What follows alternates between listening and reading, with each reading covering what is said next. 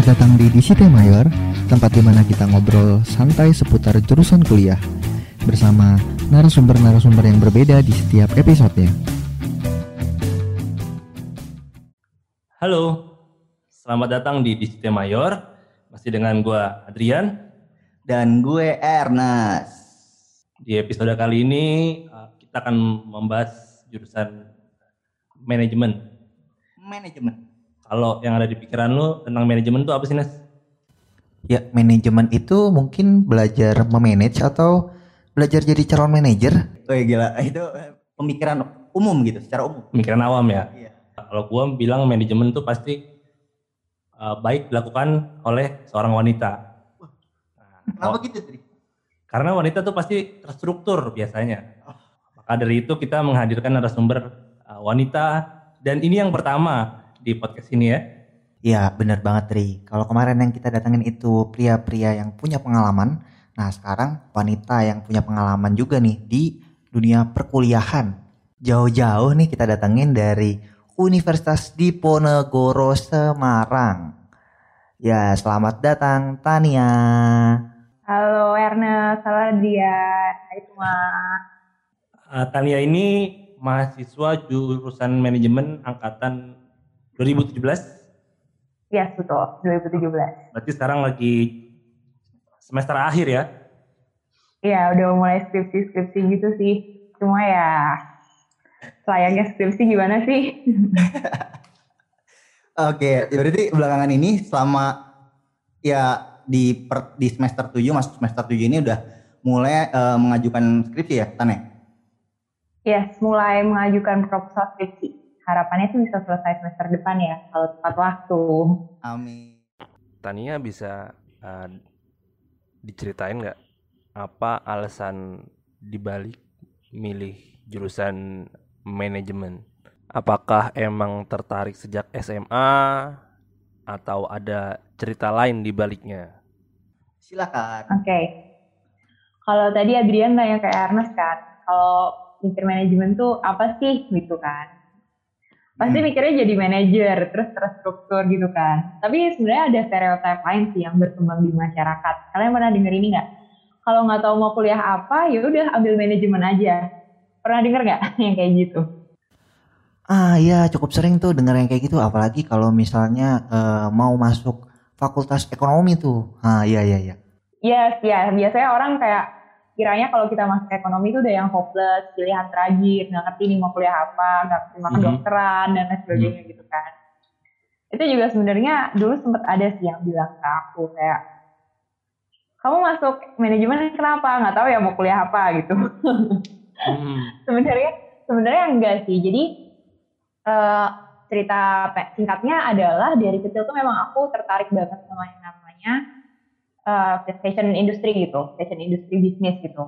Oke. Nah, tapi yang aku tertarik itu apa ya? Gimana sih caranya seorang desainer bisa bikin dia bikin satu baju nih, tapi bisa kayak kelihatan semahal itu dan mereknya bisa dikenal seluas itu gitu. Hmm, Dulu oke. aku pikir aku bisa gambar nih. Aku mau masuk ke jurusan fashion design bisnis Oke. atau at least fashion design gitu kan. Oke. Ternyata setelah aku mengulik-ngulik bakatku, nggak sampai juga gitu. Oke, oke. Akhirnya mentok-mentok cuma gambar sawah, pohon gitu ya. Matahari. Akhirnya ya udah deh, aku aku pivot. Apa sih yang bisa dikerjain untuk tetap kerja di dunia yang deket-deket sama brand dan aku tuh suka ketemu orang, suka ngobrol gitu.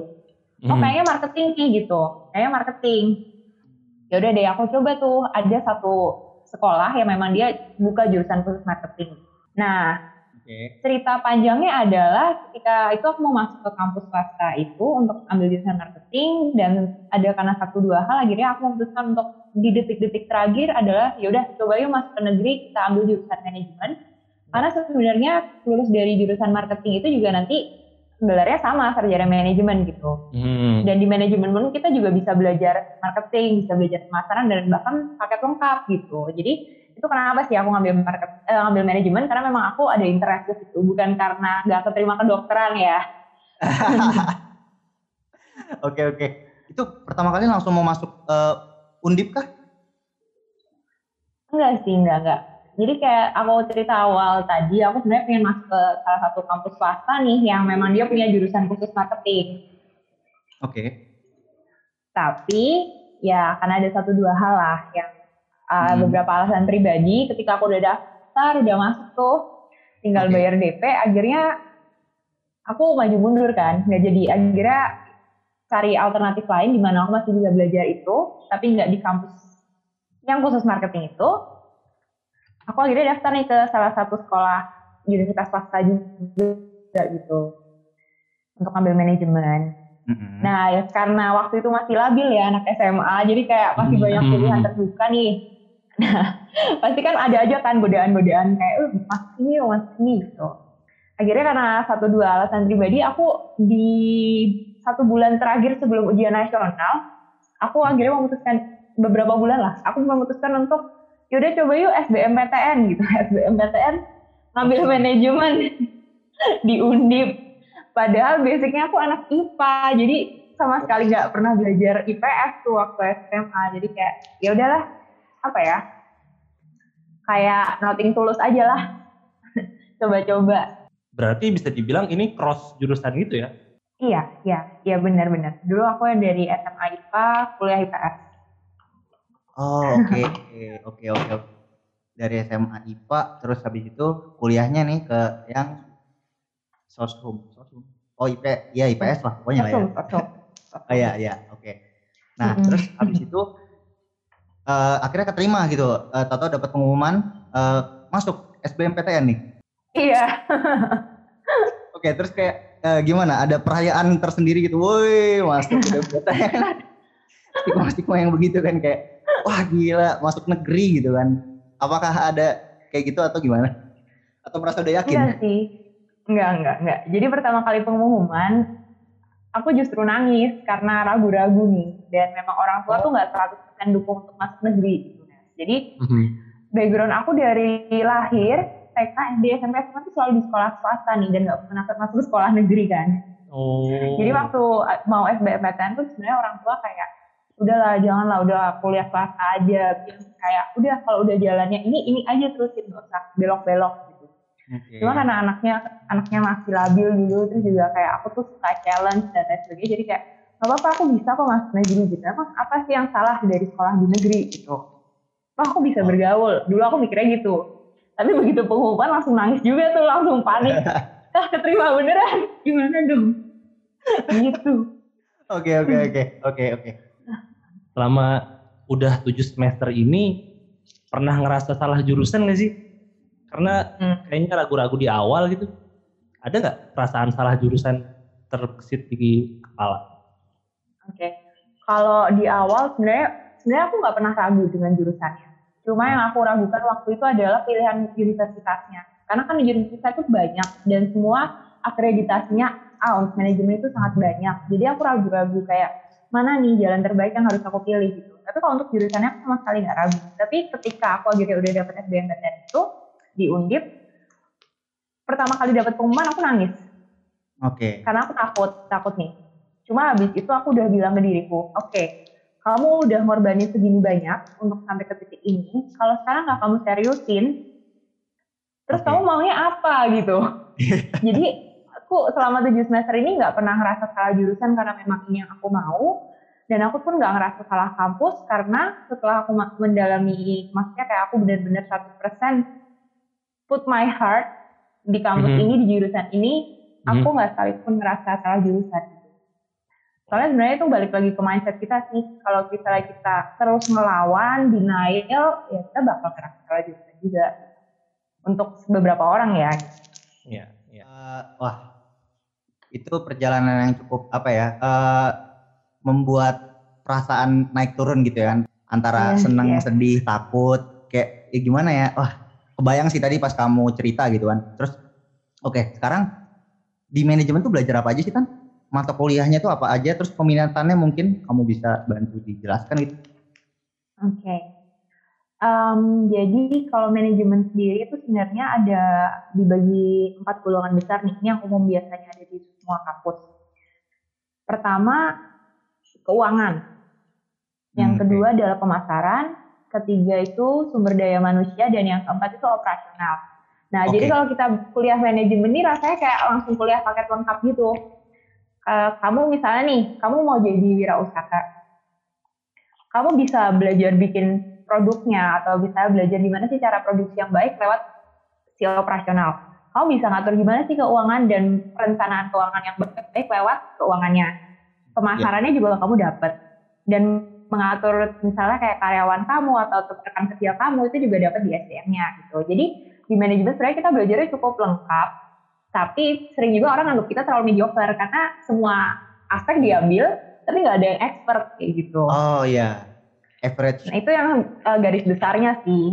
Ya iya average gitu. Biasanya biasanya orang anggap kita jurusan yang average aja, anaknya biasa-biasa aja. Oh. Gitu. Bisa marketing dikit, bisa keuangan dikit, bisa SDM dikit, bisa operasional dikit, tapi nggak ada satu nih yang beneran nendang gitu. Oke. Oke oke itu untuk peminatan. Lalu kemudian ke mata kuliah kayak kamu di semester 1 belajar apa atau di Hmm. eh, mungkin secara singkat aja kali ya. Bisa diberi gambaran. Oke. Oke.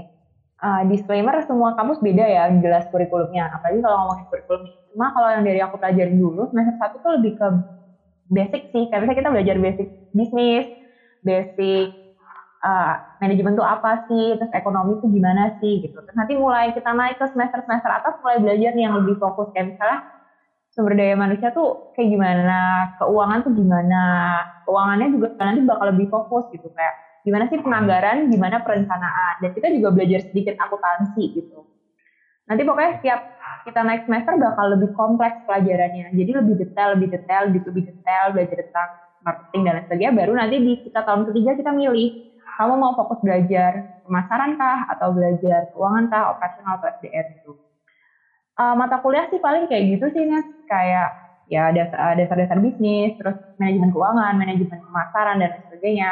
Terus juga ada kita belajar, oh ya, yang ngira manajemen gak ada hitungannya, itu salah banget sih. Jadi kalau misalnya teman-teman punya pikiran untuk udah masuk manajemen karena aku nggak mau berhitung, Oke. coba dipikir-pikir lagi ya.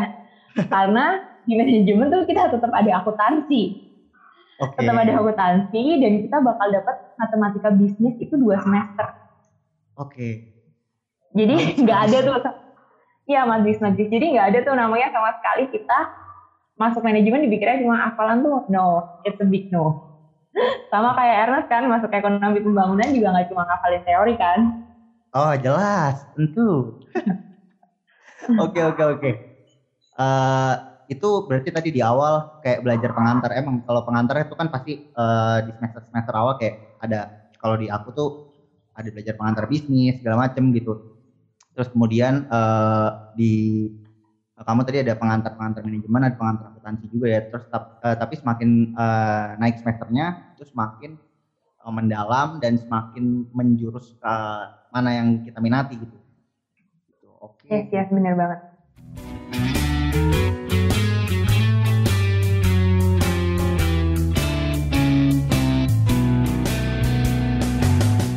Kalau gua sama Ernest ngeliat Tania ini pernah jadi juara juara tiga saat lomba di Universitas Atma Jaya Jakarta.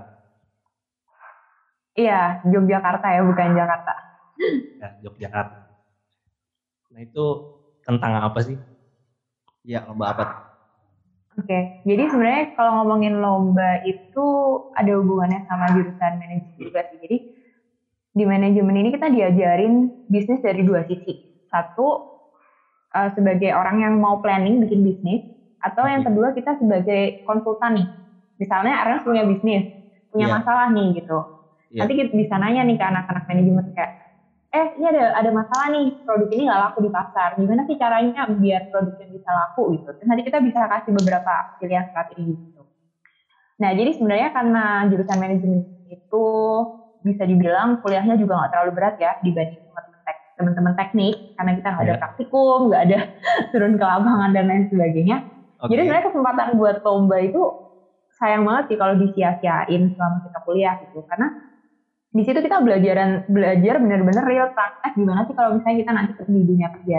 Kalau di pengalaman lomba aku, kalau yang di, tadi disebutin ya yang manajemen competition itu sebenarnya lebih ke kita nyelesain permasalahan bisnis sih. Jadi kayak misalnya nanti ada klien asli dari perusahaan gitu. Dia punya Oke. permasalahan misalnya dari sisi marketingnya atau misalnya kadang dari sisi SDM-nya bahkan gitu. Ya. Nanti kita bantu untuk solve gitu. Jadi punya saran apa sih buat perusahaan itu nanti setelah kita bikin proposal, nanti kita di, eh, dimasukin ke top 10 finalis, kita pitching langsung di depan misalnya direkturnya atau misalnya manajernya gitu. Baru nanti mereka memilih mana sih yang kira-kira strategi cocok nih sama perusahaannya gitu. Baru Oke. nanti kita kan masuk lagi ke tahap selanjutnya, kasus baru lagi, perusahaan baru lagi kayak gitu. Oke. Seru sih, seru-seru.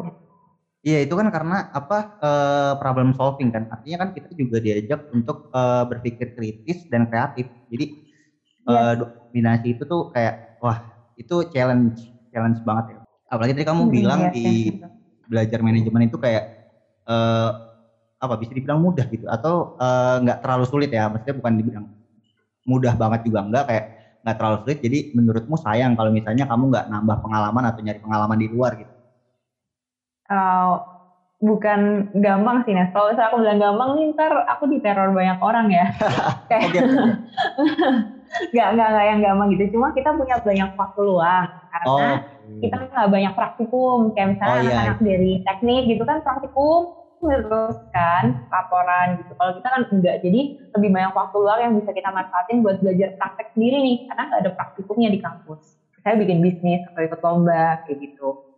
Oke, menarik menarik. Nah, lalu ikut organisasi apa sih kan di eh, apakah cukup aktif di organisasi atau eh, gimana nih kan di eh, Undip?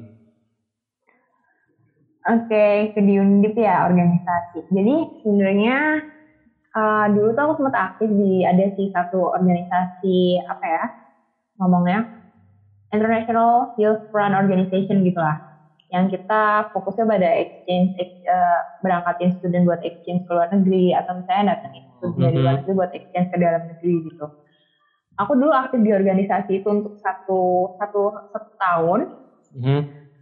Terus habis itu ceritanya aku mau naik jabatan gitu kan di organisasi Eh, sebut saja organisasinya namanya ISEC gitu ya.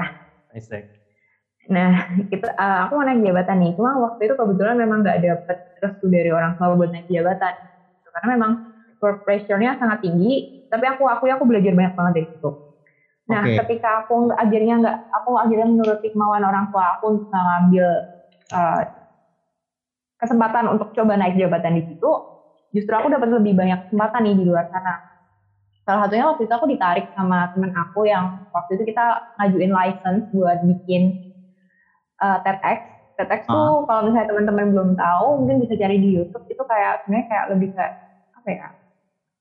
Event buat kita nge-share ide kita tentang apa pun itu. Dan di Indonesia tuh memang udah ada beberapa TEDx besar kayak TEDx Jakarta, Oh, TEDx Oke. Bandung gitu. Nah, yang Ah. di Undip ini udah udah mati ceritanya, udah mati suri sekitar 3 sampai 5 tahun. Oke. Nah, waktu setelah aku selesai dari organisasi itu, aku ditarik sama temanku nih buat masuk TEDx. Mau nggak coba untuk apa? Jadi Jadi marketing head-nya nih gitu. Ya, jadi jadi marketing head waktu itu. Oke. So kayak ya udah, ya udah sure sure coba gitu. Ya habis itu dari TEDx itu bergulir bergulir sih. Jadi setelah aku selesai, jadi sebenarnya kalau in terms of organisasi yang bener organisasi, aku cuma satu yang aku benar-benar committed untuk satu tahun organisasi. Sisanya aku kayak lebih ke project-project side hustle gitu sih. Kayak misalnya eh, ada nih eh, temen aku yang bi- eh, bikin media untuk mental health dan juga konsultasi Oh. gitu. Dan di situ aku juga juga ikut ambil bagian juga dari awal waktu pendirian. Dan ada juga kayak diajakin sama mentor aku buat jadi uh, content strategis dan lain sebagainya gitu nah jadi untuk organisasi aku cuma bener satu sih. Tapi kalau misalnya teman-teman pilih kuliah manajemen sebenarnya tuh karena waktunya fleksibel ya. Teman-teman mau aktif Ah. jadi ketua BEM sekalipun menurut aku udah sangat recommended sih. Karena Oh, Oke. dengan dengan kuliah kita yang waktunya nggak terlalu menyita waktu bisa banyak kesempatan buat cari-cari kegiatan gitu Hmm. Oke.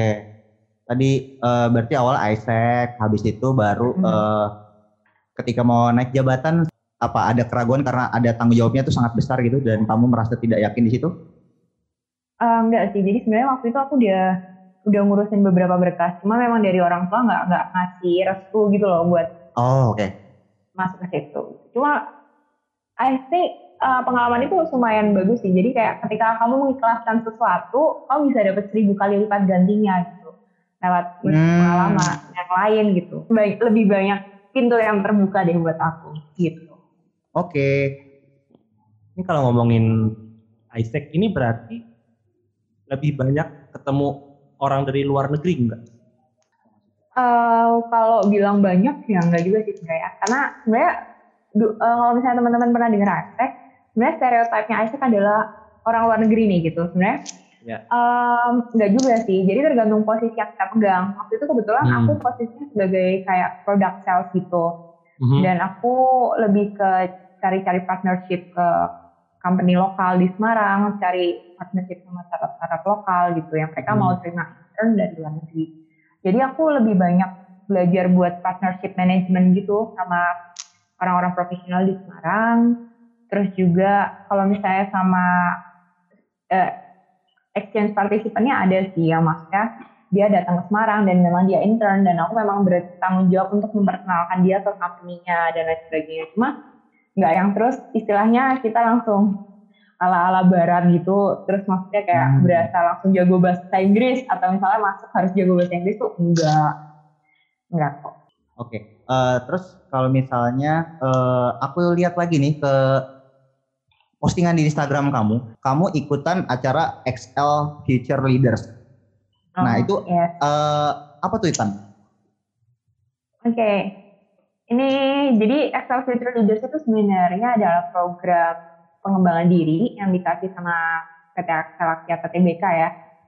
Itu sejenis, kalau misalnya orang awam biasanya bilangnya beasiswa sih ya.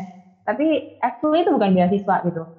Karena kalau misalnya beasiswa itu kan biasanya kita lebih ke uang pendanaan kuliah gitu. Kalau Future Leaders tuh enggak. Jadi kita dikasih dua tahun buat proses development diri kita sendiri gitu didampingi sama mentor-mentor yang memang keren terus habis itu dan ahli di bidangnya dan juga kita dikasih materi-materi sesuai kurikulum yang kira-kira bisa mempersiapkan kita nih setelah kita nanti lulus kuliah kita jadi angkatan yang lebih siap untuk menghadapi dunia ini gitu.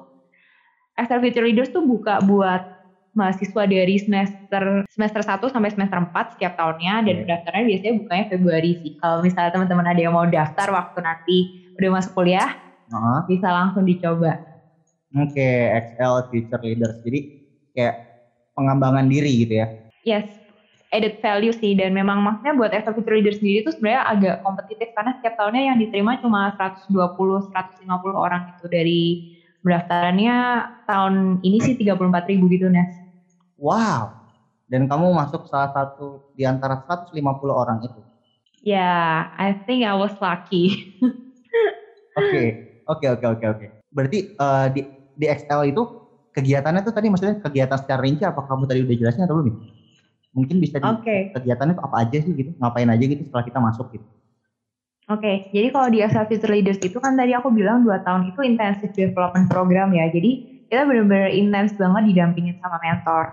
Nanti kita bakal dapat beberapa kali 10 kali workshop, 9 eh 9 sorry, 9 kali workshop yang di tiap workshopnya tuh kita benar-benar langsung dilatih mentally dan ya hard skill dan soft skill kita gitu. Jadi kita dice- dikasih banyak challenge untuk mengembangkan diri kita mungkin hal-hal yang mungkin di luar batas kemampuan kita kita nggak pernah pikir kita bisa gitu loh. kayak Mhm. misalnya waktu itu aku dapat challenge buat bikin TED Talk Hmm. yang aku bahkan nggak ngerti nih mau Hmm. bahas apa aku mau ngomong gimana gitu. Tapi that was fun dan akhirnya kita semua berhasil untuk bikin Talk itu. Dan juga nanti bakal ada challenge-challenge yang secara nasional gitu. Jadi kita dikumpulin di satu tempat nih sebelum pandemi. Di situ kita dikasih challenge yang bener-bener apa ya eh, mind blowing gitu. Jadi Oh, hampir nggak tidur nggak hampir nggak tidur tuh semalaman. Oke. hampir nggak tidur semalaman. Kita dikasih case suruh mecahin dan itu benar-benar yang kayak ntar seru banget deh pokoknya uh, semua itu dan satu nilai plusnya adalah kita dapat mentor gitu jadi mentor itu bisa jadi kita sandaran untuk ketika kita bingung tentang Iya. pilihan karir kita gitu Heeh. gitu sih Bisa jadi teman cerita juga gitu kan. yes yes bener banget Oke. cerita ya kegalauan kita sebagai mahasiswa inilah Oke oke. Nah, prospek kerja dari jurusan manajemen tuh gimana sih? Apa cuma jadi manajer doang? Enggak. Jadi manajer itu langkah selanjutnya mungkin ya dari pekerjaan awal kita. Cuman nih aku udah kasih disclaimer dulu. Tadi di awal kan aku bilang kalau manajemen tuh kadang disangka orang tuh terlalu mediocre gitu. Kita nggak punya satu skill yang kita benar-benar sanggup gitu. Karena kita belajar semuanya tapi nggak nggak oke banget. Bahkan tuh ada salah satu dosen yang pernah bilang kayak gini. Kalian nih ntar mau kerja susah. Oke oke. ini. Kalau kalian masuk jurus em, pilih konsentrasi manajemen keuangan, kalian nggak bakal bisa jadi manajer keuangan. Ntar yang jadi manajer anak akuntansi. Waduh, mulai takut Aduh. kan? Kalian masuk konsentrasi SDM, kalian nggak bakal bisa jadi manajer SDM. Ntar yang jadi manajer kalau nggak lulusan hukum, ya lulusan psikologi. Hmm, Udah tuh, tinggal sisa dua kan pilihannya. Kalian mau masuk operasional, Oke. kalah kalian sama anak teknik industri mereka lebih paham Oke. terakhir nih harapan aku ya pemasaran dosennya bilang ngomong sesuatu yang baik ternyata dia bilang gini coba lihat deh manajer-manajer pemasaran di perusahaan besar rata-rata lulusan teknik gitu Oh. jadi bingung kan kita mau Iya, iya, mau iya, iya. prospek kerjanya gimana gitu cuma sebenarnya itu stereotip aja sih tergantung. Sebenarnya kan kayak kita kuliah di mana atau misalnya kita belajar apa itu sebenarnya lagi balik ke kita sendiri kan. Nah prospek kerja untuk manajemen itu sebenarnya cukup banyak. Nah kalau misalnya kamu di marketing kayak aku nih Mm-mm. you can be anything gitu. Kalau misalnya kamu mau kerja di agensi marketing jadi orang yang bikin-bikin konten Instagram bisa juga. Kamu mau kerja di perusahaan besar jadi sales bisa juga. Atau kamu mau jadi orang yang bikin event-event nih kayak misalnya launching produk Oke. bisa juga bahkan kalau misalnya kamu keuangan kamu mau jadi analis atau kamu mau jadi konsultan bisa kok kamu bersaing kok sama anak-anak akuntansi gitu jadi Oke.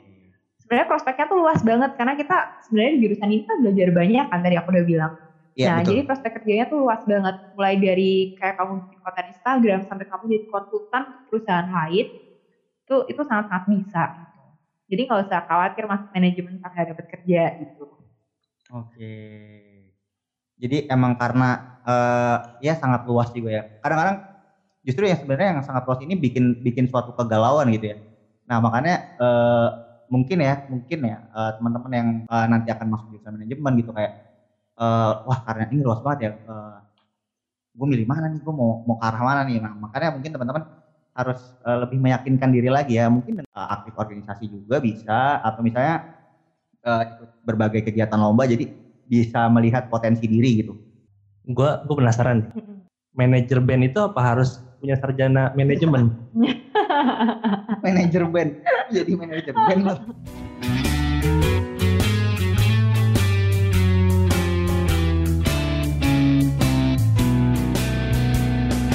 Ah, eh, Tan, yes apa perubahan yang terjadi di diri kamu setelah kamu kuliah gitu? Mungkin Tania yang dulu seperti apa?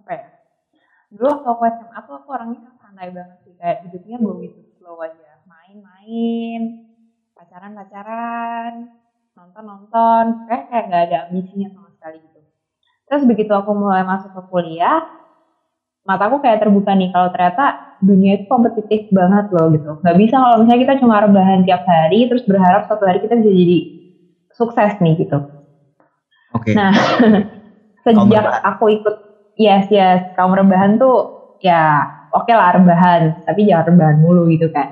Eh, Jadi setelah kuliah dan ikut berbagai organisasi, berbagai kegiatan, itu sebenarnya lebih membuka pikiran aku sih. Jadi emang penting banget buat kita networking, kenal banyak orang karena itu bisa nambahin perspektif kita. Jadi aku sadar bahwa dunia itu sangat kompetitif dan nggak bisa nih ya kalau aku kalau misalnya santai-santai doang hidupnya gitu. Mungkin oke. beberapa orang bakal bilang kayak apaan sih Tania abis banget gitu. Mungkin apa yang mereka kejar beda gitu loh sama apa yang aku kejar di Hmm. kehidupan setelah kuliah ini gitu kan. Jadi dan Iya, kita iya, nggak iya. boleh ngejudge satu sama lain gitu. Aku pun nggak boleh ngejudge dia yang mungkin hidupnya santai, with the flow karena mungkin Iya. dia punya goals lain. Iya iya iya. Itu sih yang aku paling sadar dari dunia kuliah ini kayak dunia itu kompetitif dan kalau kita nggak mulai untuk gerak sekarang detik ini juga kapan? Dan yang satu satu-satunya yang kamu rugikan kalau kamu malas-malasan tuh ya diri kamu sendiri di masa depan, your future self gitu. Bukan Oke. orang tua kamu, bukan teman kamu, kayak gitu. Oke, itu yang kamu rasakan perubahan di eh, dalam diri kamu setelah kuliah gitu kan? Oke. Yes. Jadi kamu merasa dunia itu semakin kompetitif ya, semakin ke depannya semakin kompetitif. Betul. Dan ya kita nggak bisa kayak di rumah tuh rebahan aja. Tadi kan kamu bilang kayak ya kamu rebahan ya. Sekarang nge-scroll nge-scroll Instagram yang nggak ada habis gitu kan? Oke oke oke. TikTok dong ya sekarang. Oh iya, oke saya bukan anak TikTok nih, Adrian anak TikTok. Ternyata Tania anak TikTok juga ya. Enggak juga. Anak zaman sekarang udah nggak buka Instagram ya, bukanya TikTok. Enggak masalahnya nih ya, TikTok tuh masuk Instagram juga. Jadi kadang-kadang aku tuh Oh, males iya.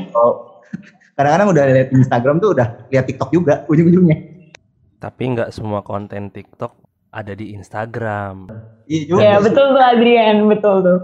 iya juga. Jadi kayak perlu deh download TikTok sekarang buat ngikutin generasi. Aduh. bener bener bener. Eh, terakhir deh ya, Tania ada rencana apa nih setelah lulus kuliah? Mungkin ini bisa berubah sesuai dengan prioritas dan kebutuhan ya. Cuma untuk Oke. sementara ini aku lagi ter, aku memang lagi tertarik banget sama um, marketing sesuai dengan jurusan aku dan juga Hmm. um, aku pengen coba untuk untuk first step aku di dunia karir karena first step itu penting banget ya.